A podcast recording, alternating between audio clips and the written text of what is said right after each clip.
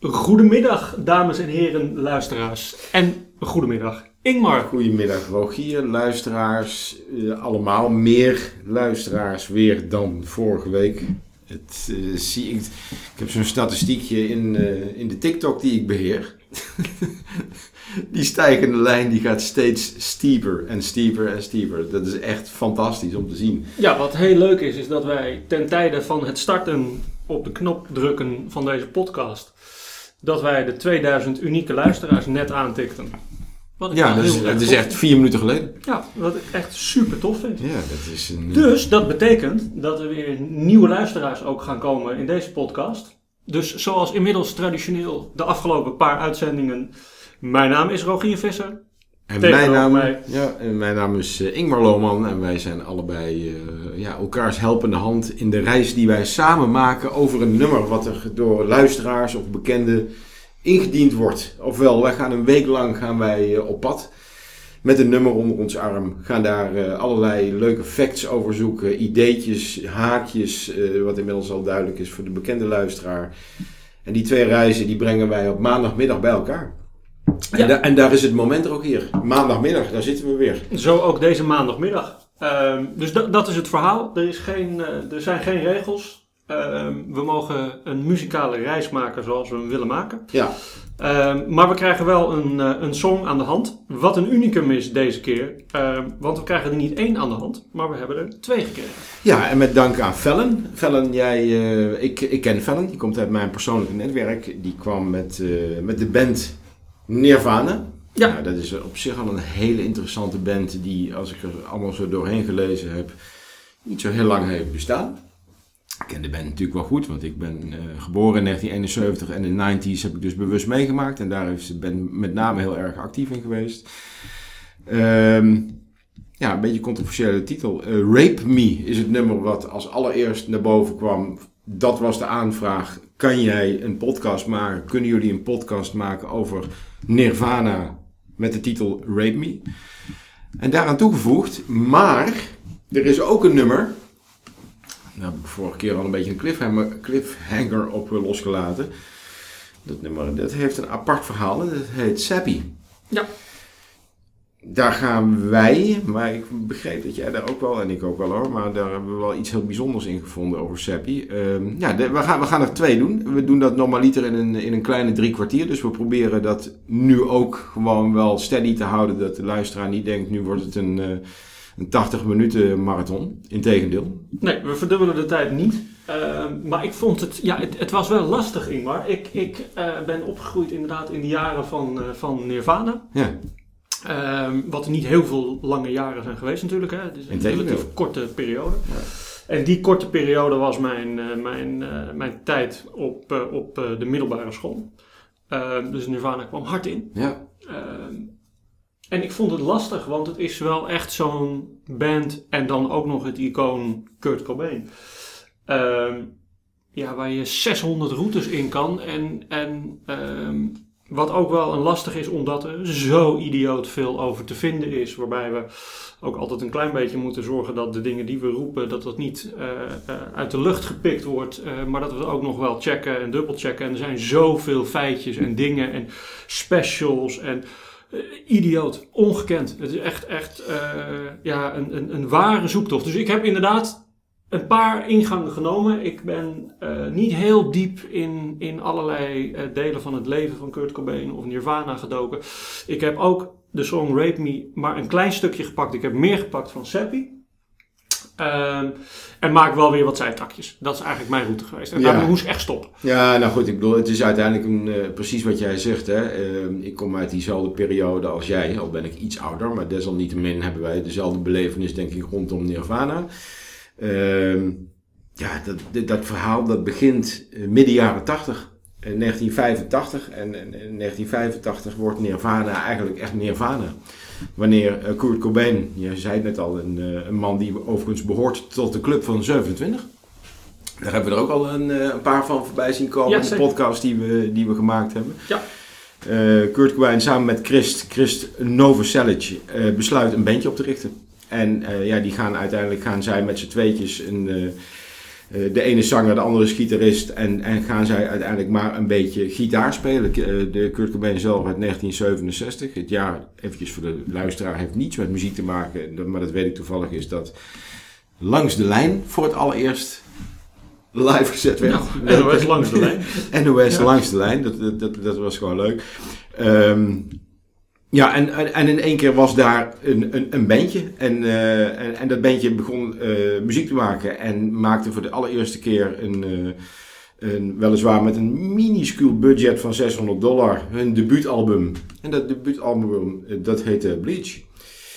Uh, ja, niet zo heel spectaculair. Op, het, op dat album hoor je eigenlijk voor de allereerste keer wat karakteristieken van de Nirvana sound. Ik heb er even naar proberen te luisteren, maar het is nog niet echt het Nirvana wat wij kennen van, uh, van, van de grote.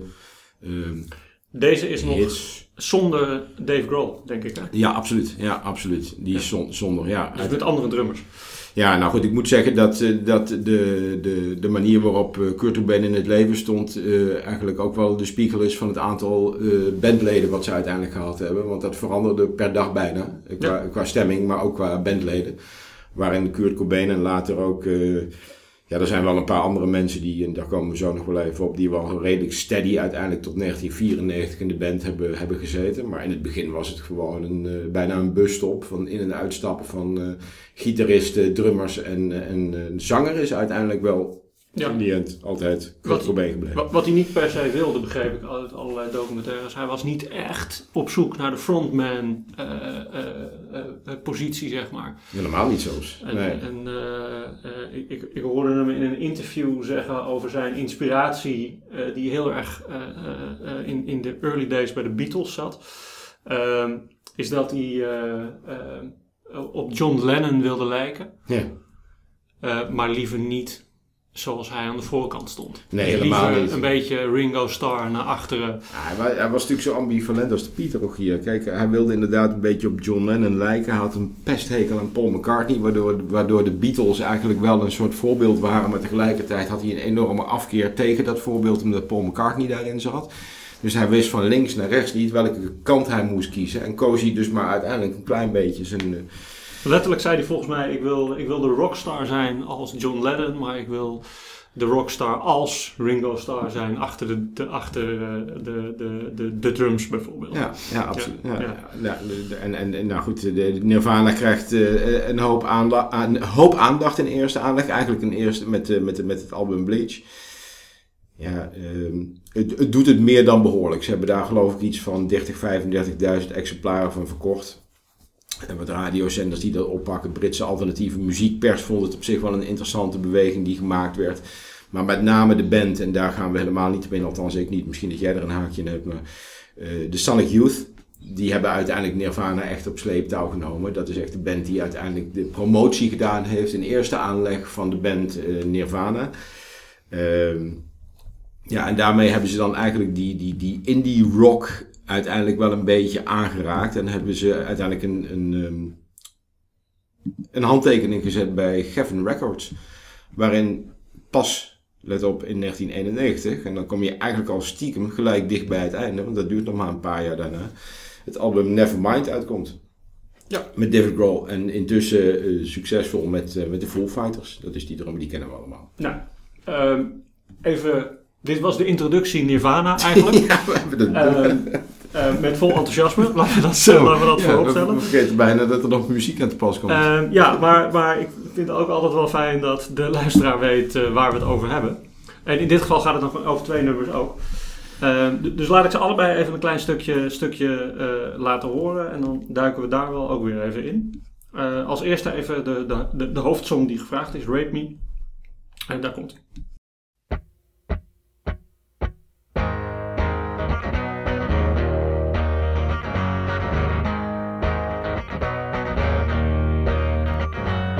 Rape me, rape me, my friend. Dat was nummer 1. Gaan we zo echt op terugkomen. Uh, maar wellicht leuk om gelijk even nummer 2 uh, erachteraan te doen. Uh, dit is Seppi van Nirvana. And if you save yourself, you will make him happy.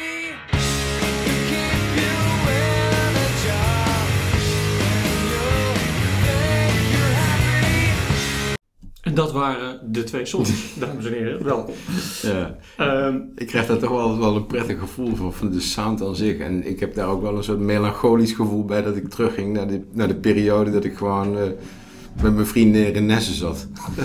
nou, het eerste wat ik dacht, want ik kende het nummer wel, maar niet super goed. Rape Me heb ik het dan over.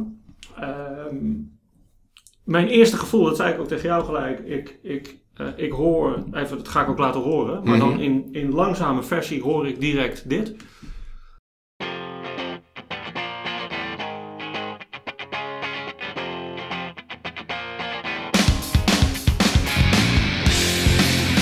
Alleen hier komt de, de, de, de drums en de, de, de rest van de gitaar gelijk in.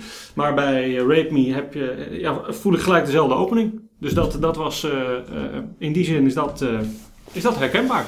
Ja, ja dat, is, dat is wel langzamer dan, hè? Ja, een stuk langzamer. Ja, Ja. ja. Ehm, Het, het bijzondere is, ja, je vertelde me dat van de week een beetje, ook in een soort enthousiasme. Ik heb iets gehoord aan dat begin. Nou is er een derde nummer wat hier aan toegevoegd kan worden en dat is Polly. En Polly, dat nummer, dat heeft eigenlijk dezelfde akkoorden als Smells Like Teen Spirit en als eh, het nummer Rape Me.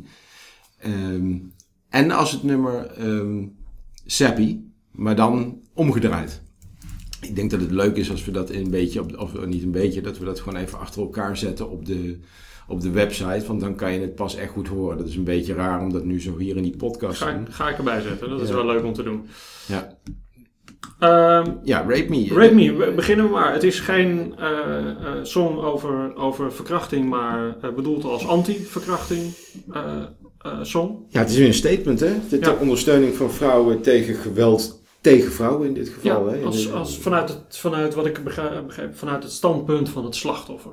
Ja, dus Ja. vanuit het standpunt van het slachtoffer. Een beetje poëtische rechtvaardigheid, zoals Kurt Cobain dat, eh, dat zelf, eh, Ja, zelf benoemt. Het is uiteindelijk het is uitgekomen voor de, qua facts eh, op uit ne- in 1993, 6 december van dat jaar, werd het eh, samen met All Apologies uitgebracht op single met een dubbele A-kant. Ja, ik vind het uiteindelijk na het luisteren, meerdere keren luisteren, vind ik het toch wel een heel vet nummer geworden. Ja, is dat. Het Het is absoluut een, absoluut een, een heel cool nummer. Hij, hij zegt zelf in een interview, las ik aan eh, Darcy Steinke van Spin in de tijd, in 1993, eh, legt Kurt Cobain zelf uit. Het, de song is, het is alsof ze zegt, verkracht me, ga je gang. Verkracht me, je zult het nooit doen, I'm gonna survive this. En eh, ehm, ehm, ik, ik, ik pak je terug. Dat is eigenlijk wat hij, wat hij, eh, wat hij ermee, eh, althans zelf aangeeft wat hij ermee Ja, zeker. Nou ja, kijk, hij heeft, ik heb een stuk, eh, stuk gevonden waarin hij inderdaad een, hele, een heel epistel loslaat over, over dit nummer. Waarbij hij eigenlijk zegt, eh, als ik het moet uitleggen, ehm, ja, en het, het is een on- on- onprettig verhaal, maar ik leg het toch even uit zoals Kurt Cobain dat destijds verteld heeft. Een man verkracht een meisje. Die man belandt dan uiteindelijk in de gevangenis en wordt daar uiteindelijk zelf verkracht.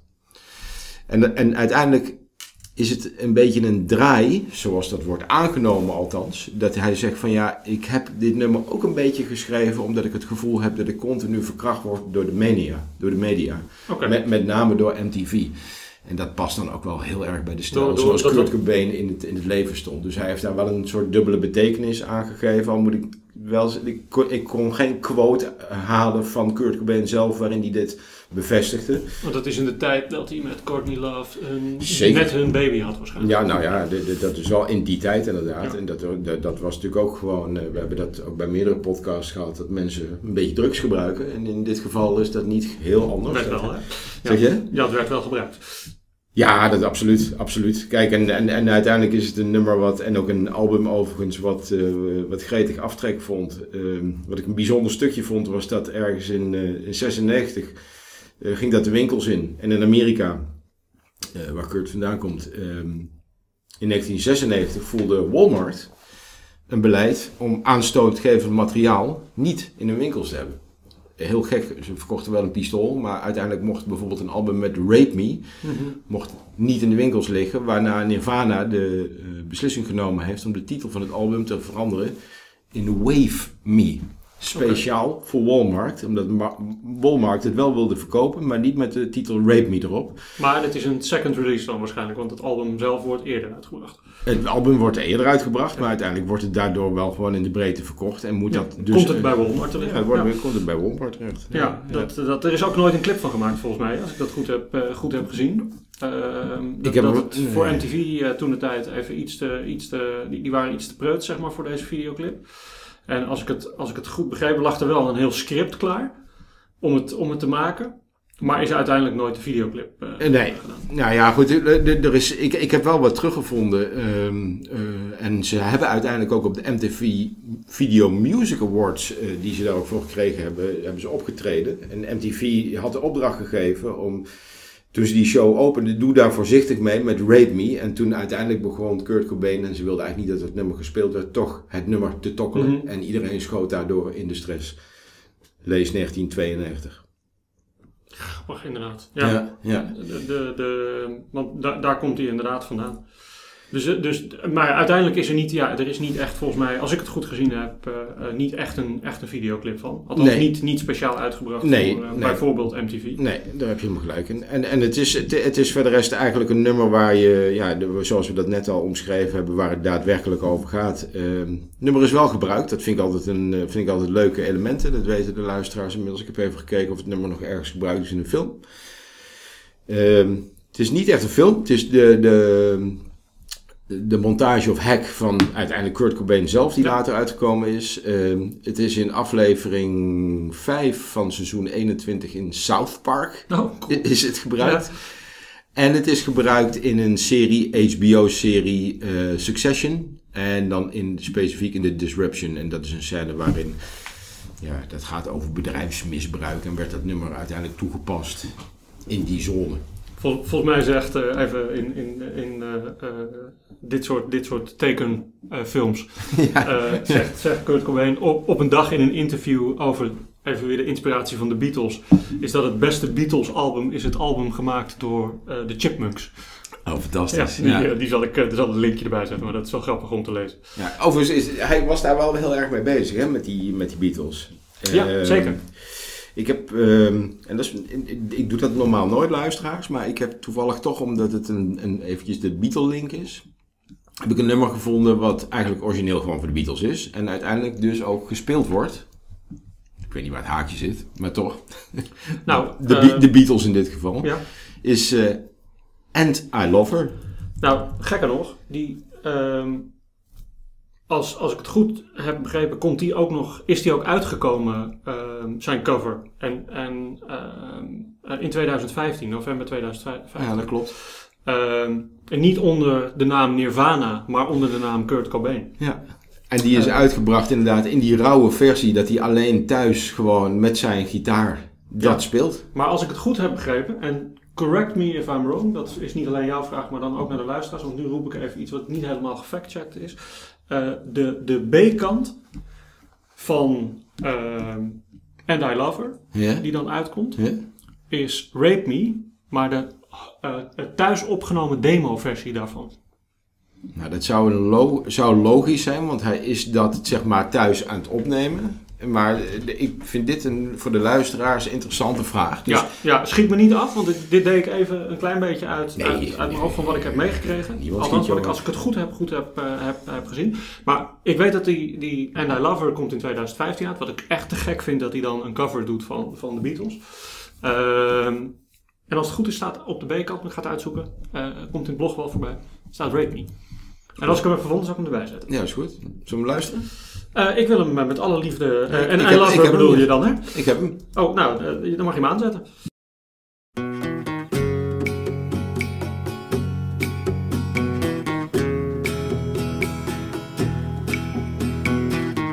I give her all my love.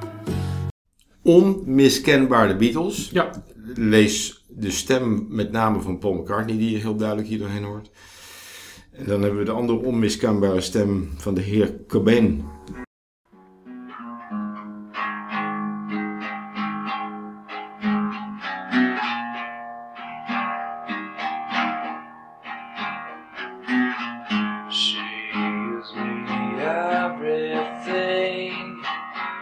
Brengt er wel echt dat, dat, dat, dat, dat Het cringy erin. Ja. Dat is wel heel vet. Ik Er zijn, het, er, het zijn, mooi. ja, er zijn niet zo heel erg veel eh, covers van, eh, van eh, ehm, Rape Me zelf gemaakt, zag ik. Daar raken een aantal bands raken het aan, maar niet, niet echt eh, eh, noemenswaardig. Nee. nee, dat klopt. Wat ik wel zag is, hij, zag, hij, hij vond de Beatles erg interessant. En wat hij ook later, en dat, dat vertelt eh, in, een, in een interview vertelt, eh, wordt, wordt dat nog een keer neergezet door Metallica zelf. Is hij was on- ontzettend geïnspireerd door Metallica. En eh, wa- waarin, eh, waarin een anekdote verteld wordt. Hij, hij, hij was bij een concert uitgenodigd van Metallica. En hij, hij, tijdens het spelen van allerlei songs was hij maar aan het zwaaien. Want ze kenden hem natuurlijk al. Was hij maar aan het zwaaien naar, naar, naar de gitarist. En, eh, eigenlijk naar de gitarist. En hij was maar aan het zwaaien en zwaaien en zwaaien. Dus achteraf wordt hij uitgenodigd in de, in de, in de pit. Zoals we dat dan noemen. hè, Ja. Waar, de, waar, waar iedereen naartoe mag die, die een VIP-kaartje heeft. Ja. Of die als, als VIP uitgenodigd is. Ehm, en, en dus hij loopt naar hem toe en vraagt toch uiteindelijk: Kurt, Kurt, wat liep je nou te zwaaien de hele tijd? Hij zegt, en dat was in de, in de pauze van, eh, van eh, het concert. Ja. Hij zegt: ja, ja, ik wilde alleen maar even vragen of jullie Whiplash nog gaan spelen. En dat was zijn ultieme song eh, waar hij waar die helemaal wild van was. En uiteindelijk hebben ze hem gespeeld. Ehm, en wat ook heel tof is te zijn, en die heb ik hier niet klaarstaan, die ga ik ook wel op blog zetten. Er zijn een aantal filmpjes waarin Metallica, en er is eentje die is echt waanzinnig, waarin Metallica even laat zien hoe je andere muziek covert. En daar komt een heel groot deel van, eh, eh, van eh, Nirvana in voor. Echt waanzinnig. ja. Ja, dus dat, is, dat was een beetje de, de, de ode terug van Metallica aan, die, die goed wist dat, eh, dat, dat hij een groot fan was. Nou, ik heb nog wel een de Metallica, ik geloof het direct, want als ik naar de lijst kijk van de bands die, waarvan Kurt Cobain in ieder geval zegt dat die ter inspiratie hebben geleid voor zichzelf met name en daarna ook voor de band Nirvana. Dat is nog een serieuze lijst, ik kom daar zo wel even op nog. Ehm, Ehm, ja, ja. misschien nog één linkje terug naar die covers. Dat is ook gelijk, gelijk wel leuk. Want dat is ook onze, onze tweede podcast ging over de Doors. Daarvan weten we, eh, eh, dat was een inspiratie voor Kurt Cobain. Ja. Eh, die ze ook nog gedaan hebben. hè. Dus eh eh, The End van, eh, van de Doors heeft, eh, hij heeft Nirvana gecoverd. Daar ga ik een klein stukje van laten horen.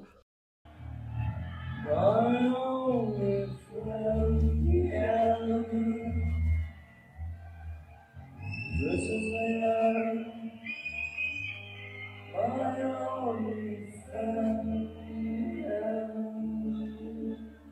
Het, komt heel dicht in de buurt van The Original Feeling. Nou, daar hebben we het al, hebben we al een podcast over gehad. Dus luisteraars, ga alsjeblieft naar die podcast als je daar, als je daar weer naartoe terug wilt. Van Ja. Jim Morrison natuurlijk. Ja. Ehm, maar ik, ik wilde eigenlijk een andere spectaculaire laten horen. Want Ja. eentje, ik heb een hele mooie playlist gevonden met Nirvana covering other bands. Nou, er zitten waanzinnige dingen tussen. Even, even eh, variërend van inderdaad eh, nou, The Doors naar, eh, naar Immigration Song. Eh, even Bad Moon Rising, die is ook fantastisch. Ja. Maar, maar even, dan ben je Nirvana en dan ga je een cover doen en dan denk je, even ook onze tijd, dan denk je, dit is wel een toffe om te doen. Luister maar.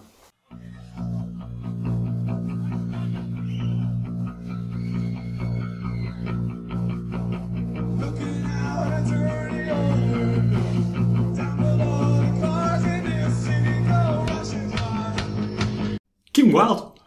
Kids in America. Ja, het past er wel. Geweldig. Ja, het is wel, de, de, de tijdspanne is identiek. Ik Die, bedoel, die, die, die lijst is, eh, die zal ik wederom delen. Die, playlist is geweldig met covers die Nirvana heeft gedaan. Ja.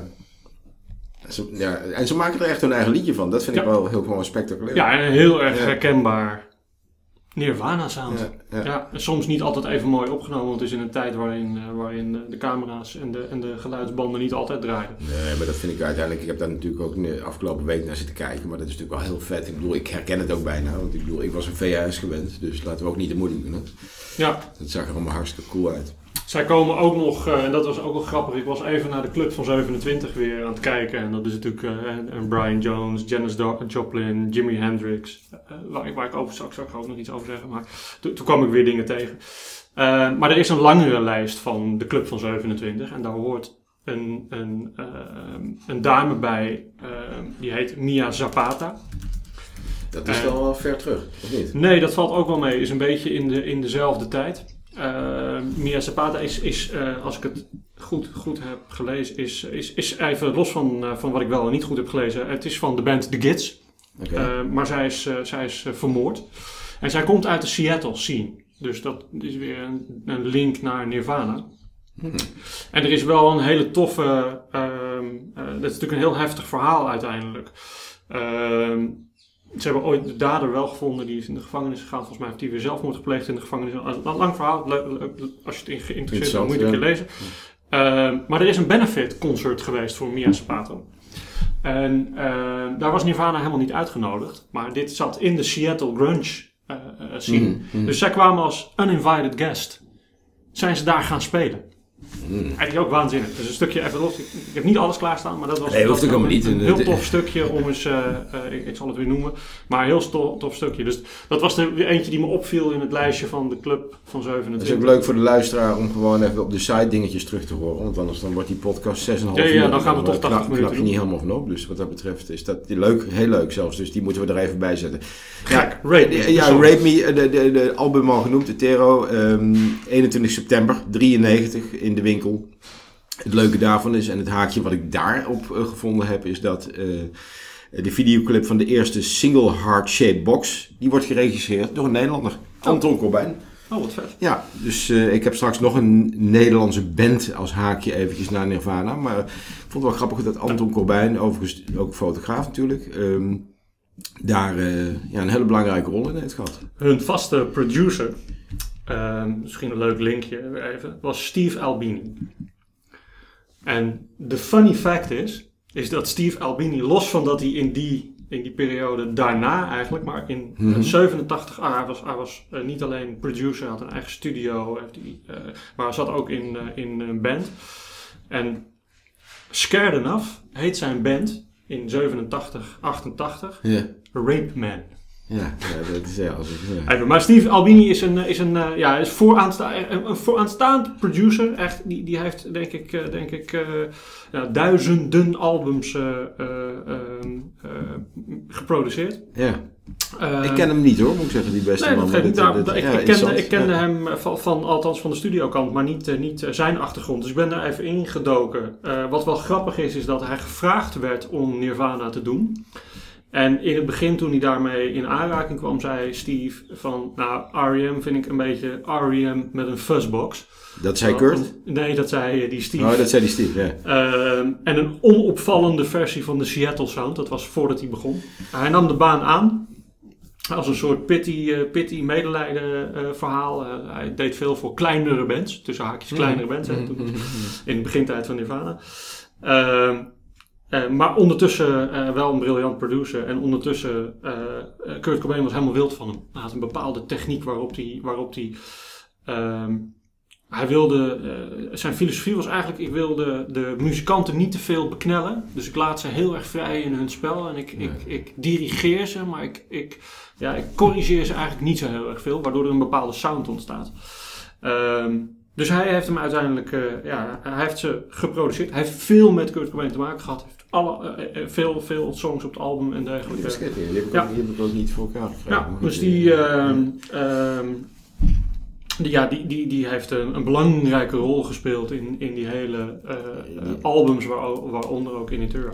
Ja, en, en Eh, wat, ik, wat ik in het begin al zei, het is, het is natuurlijk een relatief korte tijdlijn als je kijkt naar 85 tot 94, want daar praten we over. En ik riep net al dat uh, Utero uitkwam in 93, dus dan zit je eigenlijk al best wel dicht Ja, tegen het laatste tegen stuk het laatste stuk aan, waarbij die inderdaad in 94, eh, zonder allerlei details op te rakelen, eh, een paar keer in coma raakt, eh, de dingen door elkaar heen gebruikt.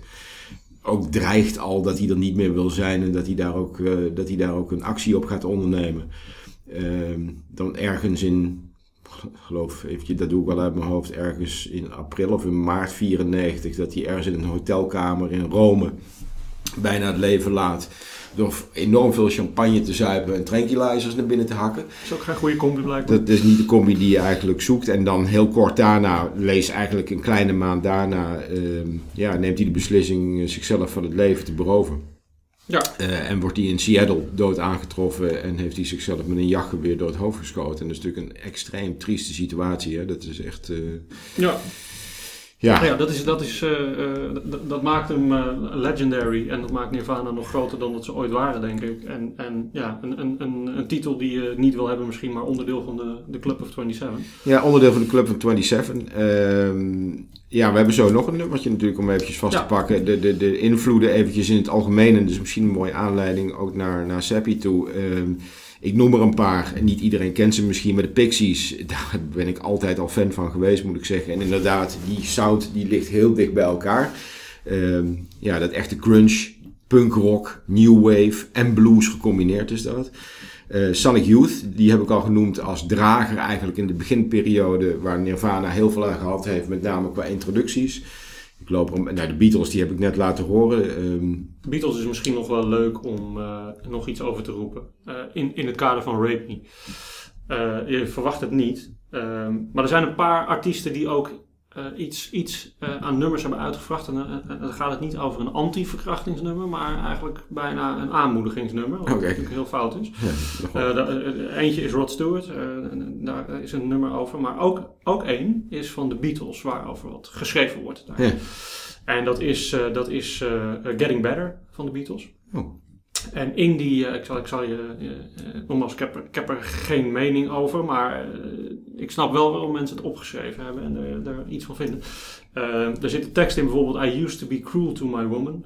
I beat her and kept her apart from the things that she loved. Man, I was mean, but I'm changing my scene. Nou, al, dat, dat soort dingen zitten daarin, zeg maar. Dat is wel black allemaal. Hoor, dit. Ja, dat, was, dat is een beetje de donkere kant van, eh, van de teksten van, eh, van de Beatles. Ehm, ik weet er weinig van, dus ik ben er ook verder niet op ingedoken. Maar ik vond het grappig om te zien dat als je, als je ja, de ene kant onderzoekt, is dat er dus ook andere dingen naar boven komen. Waaronder andere nummers die, eh, die ja, iets te maken hebben met, met eh, nou, of antiverkrachting of, of zeg maar eh, te dicht bij de aanmoediging van, eh van Nou, hij, heeft zich, hij heeft zich sowieso extreem laten inspireren. Hè. Als je kijkt naar de Kurt Cobain, dat stuk heb ik gelezen. Dat, hij vertelde in dat stuk dat hij het liedje About a Girl heeft geschreven nadat hij een hele dag had geluisterd naar het eerste Amerikaanse album van de Beatles.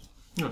Hij heeft Smells Like Teen Spirit, wie kent het nummer niet, en met name de riff uit Smells Like Teen Spirit, die werd geïnspireerd door het eh, eh, Boston nummer More Than a Feeling. Dus uiteindelijk heeft hij zich continu, en wat ik ook een interessante vond, is dat hij zich ook heeft laten, laten inspireren door de Nederlandse band Shocking Blue. Oh, dat Ja. is het niet. Ja, Oké. ja. Dus dat eh, eh, eh, voor het album Bleach, zijn eerste album eigenlijk dan, hè, eventjes van, eh, Ja. van Nirvana, coverde Nirvana het nummer van Love Buzz van deze Nederlandse band. Nou, cool. Ja, dus dat Ehm, is wel, eh, de, de, eventjes, dat eventjes nog terzijde. Ehm, ja, eh, Laten we een sprongetje maken. Laten, laten we het doen. 1, 2, Sappy. Daar is Sappy.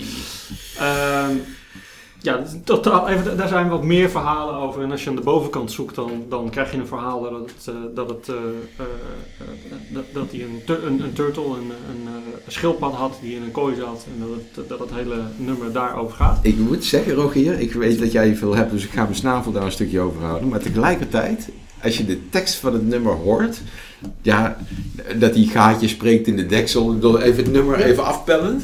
Is het, zou het zo echt kunnen zijn dat het liedje gaat over Kurt Schildpad? Ik, ik geloof ook dat het Die in een wasruimte gehouden wordt dan.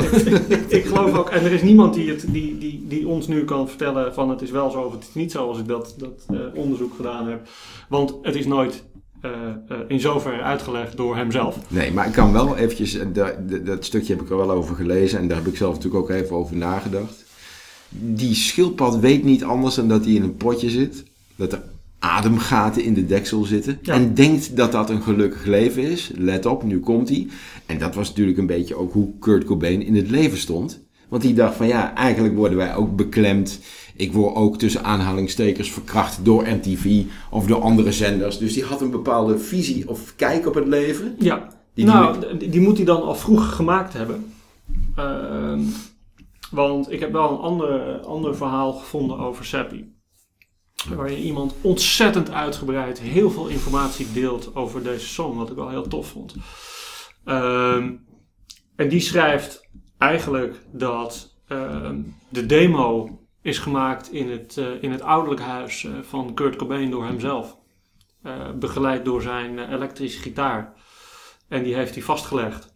Ehm, waarbij hij dat nummer dan begin jaren 80, of sorry, eind jaren 80 eh, eh, geschreven heeft. En hem eh, steeds opnieuw gaat, eigenlijk opnieuw probeert op te nemen. Ja. Het is namelijk een, eh, een, eh, het is een song waar, dat, dat werd wel duidelijk, even los van de hele inhoud over de Turtle, daar komen we niet achter denk ik. Nee. Ehm, eh, die, die, die, die heel vaak, we hadden vorige week, hadden we, of twee weken geleden, hadden we ehm, eh, Crosby, Stills, Nash en Young. Eh, waarvan we de, de, de eerste eh, helaas nu eh, ook nog kwijt zijn. Ja. Eh, die die over, overleed eh, anderhalve week nadat we de podcast hadden. Bizar is dat. Ja, echt bizar. Ehm, maar er stond ook zo'n album op dat steeds opnieuw geprobeerd werd op te nemen. En dit is een beetje de song van Kurt Cobain, helemaal van Kurt Cobain, die hij zelf gemaakt heeft, die steeds maar terugkwam waarin hij hem op wilde nemen. Het wordt benoemd als een verloren Nirvana-klassieker die overigens op het laatste moment uit het album geknipt is waar ook Rape Me nu op staat. Dus Ja. daar, daar zou die officieel in Ja, de eerste nou, meerdere, meerdere malen. Ja, hij, hij wordt eigenlijk gereleased op een, eh, en dat is wel grappig, hij wordt eigenlijk in de opening gereleased op een, eh, een album dat heet No Alternative. En dat is niet van Nirvana. Nee. Dat is een, een, een samenwerkings, eh, eh, eigenlijk een charity, een goed doel. album gemaakt door Paul Hack en Chris Mundy. Was dat niet rondom AIDS of zo? Ja, ja om, om AIDS eh, eh, ehm, eh, Ja, een, plek te geven, een podium te geven en, en donaties op te halen. En daar hadden ze eh 18 artiesten voor verzameld. Eigenlijk 19 met, met, ehm, eh, met Nirvana erbij. En dit nummer is aan eh, dit album gegeven. Alleen dat was in de tijd ehm, dat zij heel druk bezig waren met het uitrollen van hun eigen album. Hmm.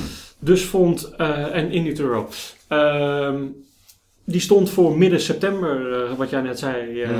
eh, eh, gepland. En dat was een maand voor het debuut van het album No Alternative. En Geffen Records had daar geen trek in dat de, de promotie naar eh, eh, No Alternative zou gaan. Eh, waarbij overigens de eigenaar van Geffen zelf heel veel donaties altijd deed. Onder andere in, in, in de richting van, van doelen met AIDS. Ja.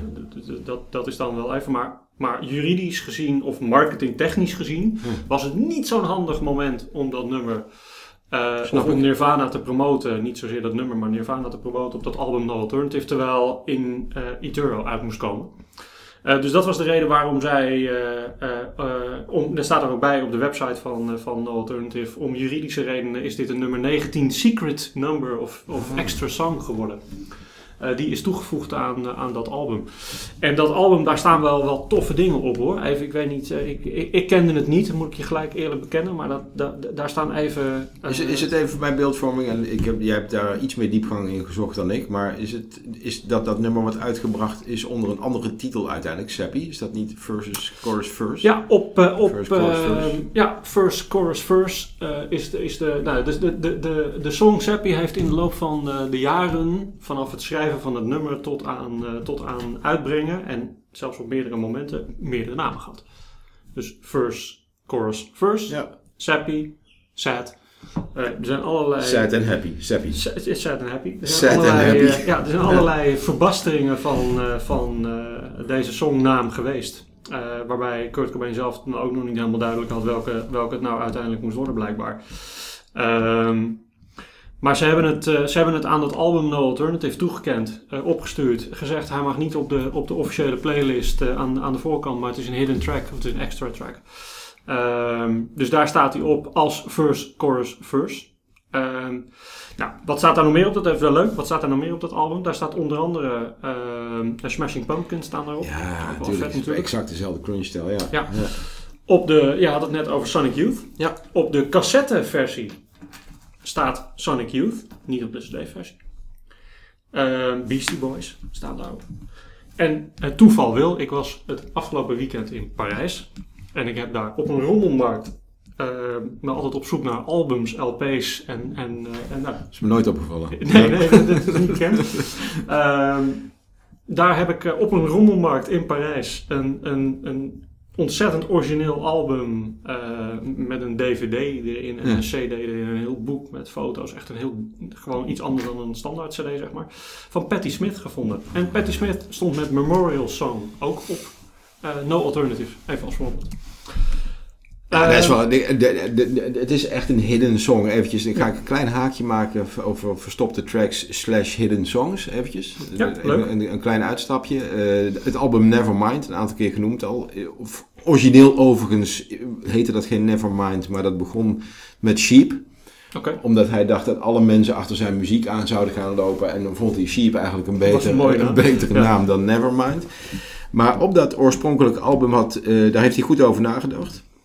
Dat is dan weer helemaal terug te lezen, wat ik niet gelezen heb, in zijn dagboek. Ehm, maar er zit een hidden track op. En de hidden track van het album was voor de eerste 50.000 mensen die dat album Nevermind kochten, eh, heel goed verstopt. Het nummer heet Endless Nameless. En door een productiefout stond op die eerste 50.000 nummers stond het er wel op en die andere niet. Dus even aan de luisteraars, mocht je zo'n LP in je bezit hebben, check it out. dan heb je wat. Ja, Ja, Nou, en dat ik is- hoop dat- dat ik nu de goede volgorde zeg, wel niet. Even kijken, voor de zekerheid check ik het. Ehm, ja, het stond er namelijk niet helemaal op door een productiefout. De track was geïmproviseerde noise jam en die werd vastgelegd toen hij uiteindelijk die tape liet draaien. Maar die mislukte die poging om die tape te laten draaien. Ik lees het nu even voor. En uiteindelijk heb je dus een hele bijzondere plaat waar een verstopte track in zit. Dus als je hem in bezit hebt, check het. Want heb je iets bijzonders en hou hem met name. Nou, cool. Ehm, heel cool. Ehm, iedereen gaat nu door zijn platencollectie heen. Ja. Ehm, even, de eerste keer dat die opgenomen werd. ehm Seppi, in welke variant weten we niet. eh, was toen ze nog bij Sub Pop zaten. En werkten ze met producer Jack Endino. Ehm hebben ze één dag doorgebracht, vertelt Endino een keer in, in een interview. Met zeven uur lang eh, rehearsals eh, en, en maar opnemen van één song. En daarna nog een keer eh, drie uur erachteraan. Komen ze binnen de volgende dag, gaan zitten, gaan spelen en nemen Seppi op. Waarvan Endino zei van nou, forget it. Ja. Je, jullie schrijven en maken echt briljante nummers, maar deze hoort daar niet bij. Dus kom maar met iets beter. Deze versie, die ze hebben opgenomen, komt uiteindelijk op eh, The Best of the Box in, in 2005 uit. ja. Ehm, dus daar staat hij op, deze versie van Sappy of First Chorus First. Ehm, maar ze beginnen wel met deze te spelen op, op concerten, want het wordt een ontzettend fannummer op vooral concerten. Ja. Ehm, eh, die ook nog terug te vinden zijn de, op de DVD With the Lights Out. Eh, eh, daar staat een, een, een uitvoering van de show in Californië, als het goed is. Ehm, nou, zo- zo, zijn er, zo, zo wordt die vaak gespeeld. Dus Kurt Cobain vindt het een tof nummer. Eh, wat ik ook las, en dat is ook wel tof. ehm, op een gegeven moment doen ze de Nirvana, we hadden het van de week hadden hem opstaan. Nirvana Unplugged Ja. sessions. Ja, ja. Uiteindelijk besluit, en dat zie je ook terug in die. Is Kurt Cobain klaar met die sessies? De band, eigenlijk volgens afspraak met MTV en, en ik geloof Sony toen de tijd, waren ze nog niet helemaal klaar, maar Kurt was er wel echt klaar mee. En dan proberen ze hun te overtuigen om alsnog een, eh, een, eh, eh, nou, een, een, een tribute nog even daarna te geven. Waarbij uiteindelijk zelfs Seppi in de strijd wordt gegooid. Dat ze die gaan doen. Ja. Maar Kurt had echt geen zin meer. Hield zijn rug recht en zei: Forget it, I'm done, ik ben er klaar mee. En we gaan zelfs, wat, wat echt blijkbaar dan een ding is, eh Seppi niet spelen.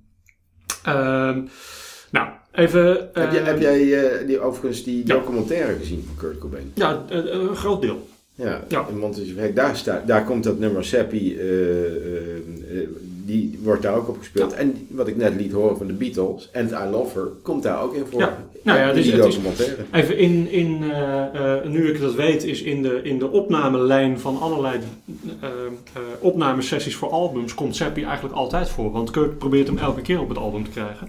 Ehm, ehm, ze begonnen met de demo-sessies voor Nevermind. Ja. In de Smart Studios begonnen ze die met opnemen. Zeven nummers, waaronder Seppi, werden op de band gezet. Ja. Wat leuk is weer, voor, de, voor, de, voor degenen die hem wel weer willen horen. Twintig jaar later zou het uiteindelijk zijn debuut maken op de Deluxe Edition van Nevermind. Daar staat hij dus wel op, Ja. als, een, als een extra track. Ja, op de lucht, dat is dan uiteindelijk de nieuwe versie, precies. Ja. Ja. Ja, eh, nou dan verhuizen ze naar, naar eh, eh, Sound City om op te nemen in 91. Dan eh, is Dave, Dave Gro- Grohl eh, daar ook, in plaats van eh, Channing, eh, die daarvoor de, de, de, de drums deed.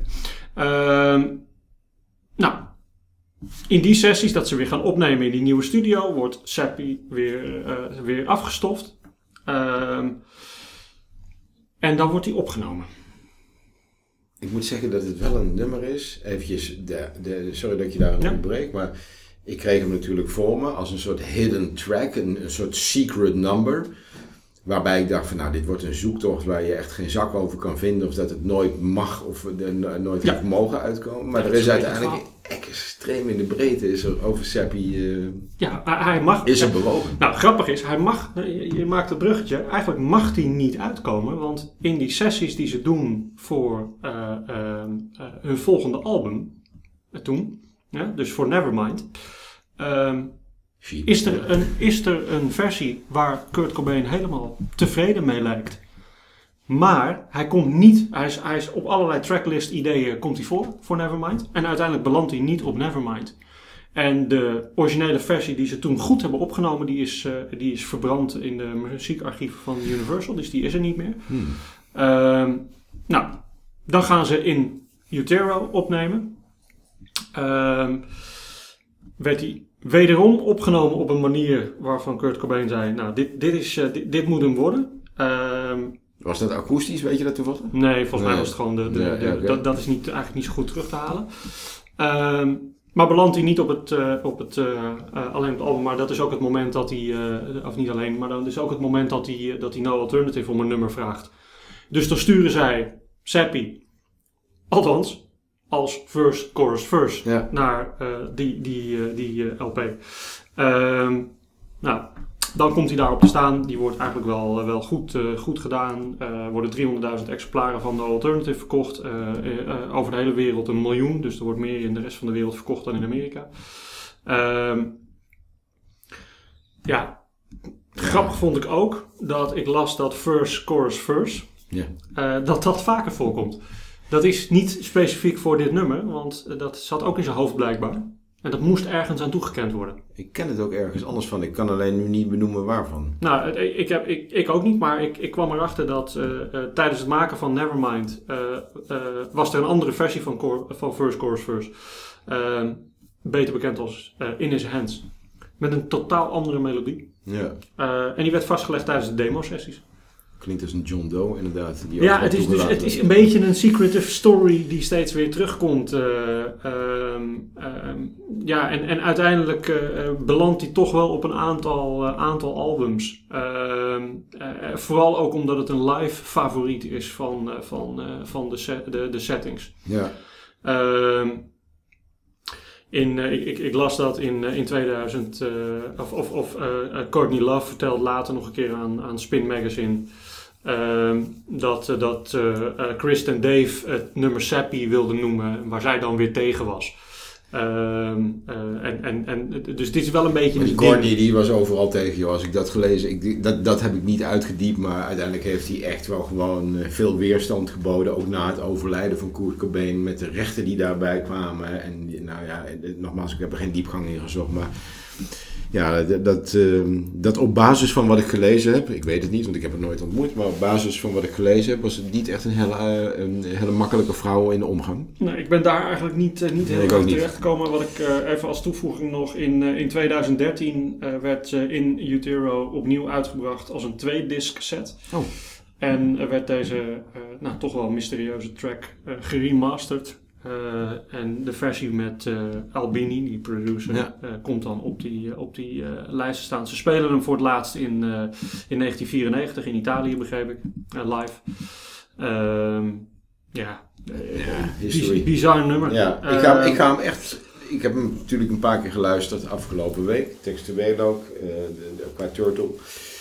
Qua turtle en verhaaltje erachter even in, in de tekst van het nummer. Maar ik, eh, ik vind het een ontzettend vet nummer. En Ja, ik kende, heel eerlijk, ik kende, het is me ook nooit echt aangereikt. Althans, ik ben er nooit echt naar op zoek gegaan in die jaren. Nu had je ook geen Spotify en heel makkelijk. Maar het is me nooit echt... eh, Nou, en zeker wat ik erg interessant vond, en dat, dat ik weet ni- niet veel van die song. Ik duik er Nee. nu voor de eerste keer in. Dus, dus het is een beetje een optelsom van dingen die ik dan eh, uit, uit puur enthousiasme zeg maar tegenkom. Eh, maar er zijn gewoon veel versies van gemaakt. ja. En, en hij komt dan toch weer terug en weer voorbij. En ik vind dat soort dingen die, waarvan een artiest zijn vingers erin zet en zegt: Dit is gewoon een song die moet tot leven komen en dat lukt dan weer niet. En dat, niet tevreden ermee. niet En, tevreden ja. ermee. En, en ja, dat is natuurlijk geweldig dat, dat hij dan eh, toch in zo'n in zo'n eh, eh, band eh, eh, tijd een leven speelt. En toch weer terug de studio in en hem toch weer proberen. En dan zie ik ze ook het weer proberen. En dan, dan zie je Kurt Cobain hem weer aanbieden aan de rest van kom op, laten we Nee, ja, ik nog zie een het keer tot een leven beetje à la Queen bijna, ja. Ja, een beetje Queen, een beetje, beetje wat we eh, Crosby, Stills, Nash Young hadden. Hey, over veel versies gesproken, Rogier. Ik weet helemaal niet hoe we in de tijd zitten. Nou, we zijn bijna klaar. Ik, ik, vraag het, ik, ik praat nu op gevoel. Ehm, we gaan volgende week de 15e podcast doen. Ja, eh, is het 14 of 15? De, volgende, week is, het- volgende week is het 15. Als ik goed geteld heb dan, hè? Ja, nou, dat, dat, eh, die, die tel ik zeker nog een keer na. Want het, eh, Ja, eh, zeker in mijn geval, zeg maar. Altijd bij mij natellen. ik, denk dat goed. het, eh, ik denk dat je gelijk hebt. Ik denk namelijk dat dit de 14e is. Ja. En de volgende week, wat jij terecht zegt, wordt nummer 15. Ja. Hoe vet is dat? Ja, zullen we die gewoon even als verrassing houden? Dat mensen op de site, op onze social media kanalen Ja, en gaan we dergelijke... aankondigen. Gaan we hem aankondigen? Zullen we dat eens zo op deze manier doen? Dus Ja, kijken vind ik ook wel er- weer eens leuk. Ja, toch? Ja, bedoel- waar we van, eh, van Nirvana weggaan eh, eh, naar wat het dan weer mag worden. Ja, nou we kondigen hem gewoon aan op, op Instagram, op onze website, op YouTube, op TikTok en dan en vanzelfsprekend, nou niet vanzelfsprekend, nog niet op Spotify, want daar komt hij op te staan als we hem gedaan hebben. Maar de aankondiging op de mediakanalen. Ja, gaan we doen. Ehm, voor nu, ehm, ja, iedereen die Nirvana net zo niet goed kende als wij. Ik hoop dat we hier een mooi verhaal hebben verteld. Voor iedereen die al diehard fan jarenlang is, eh, vul ons aan, want we zullen ongetwijfeld wat dingen eh, eh, links en rechts eh, eh, ehm, eh, eh, goed en iets minder goed hebben neergezet. hier mensen weten, en dat vind ik, en dank daarvoor mensen die dat gedaan hebben. Mensen weten veel, Zo, kennen details, spreken daarover, corrigeren ons terecht op sommige momenten dat we dingen op... vul het vooral Ja, aan. vul het aan inderdaad. Dat vinden, Ja. dat vinden de mensen even, even, dat is dan de uitnodiging aan met name de, dit, dit soort eh, eh, superfans die er, die er van elke band zijn, waarvan wij helaas die, die, die, die mogelijkheid niet hebben om daar in een week eh, een superfan van te worden. Eh, alle luisteraars die minder fan zijn en dit soort de podcast luisteren van wat een tof verhaal, die vinden het heel cool om al die andere extra dingen ook te lezen en te horen. Juist. Dus this is an invite. Ja, Weet leuk. jij heel Ja. veel van Nirvana, Sappy, Rape Me, eh, de, de linkjes die we noemen? Ja, write it down. Ja, Ja, en die, Rogier, die zijn er definitely. Dat, Ja. is, dat, is, eh, dat is zeker. Ik, eh, ik vond het een aangename reis. Ja, het was een, een buitengewoon interessante reis. Ja. Ehm, eh, Vellen, bedankt voor jouw aanvraag. We hebben genoten van de reis. En ik hoop dat jij eh, en jullie allemaal hebben genoten van deze podcast. En dan zien we elkaar volgende week. tot volgende week.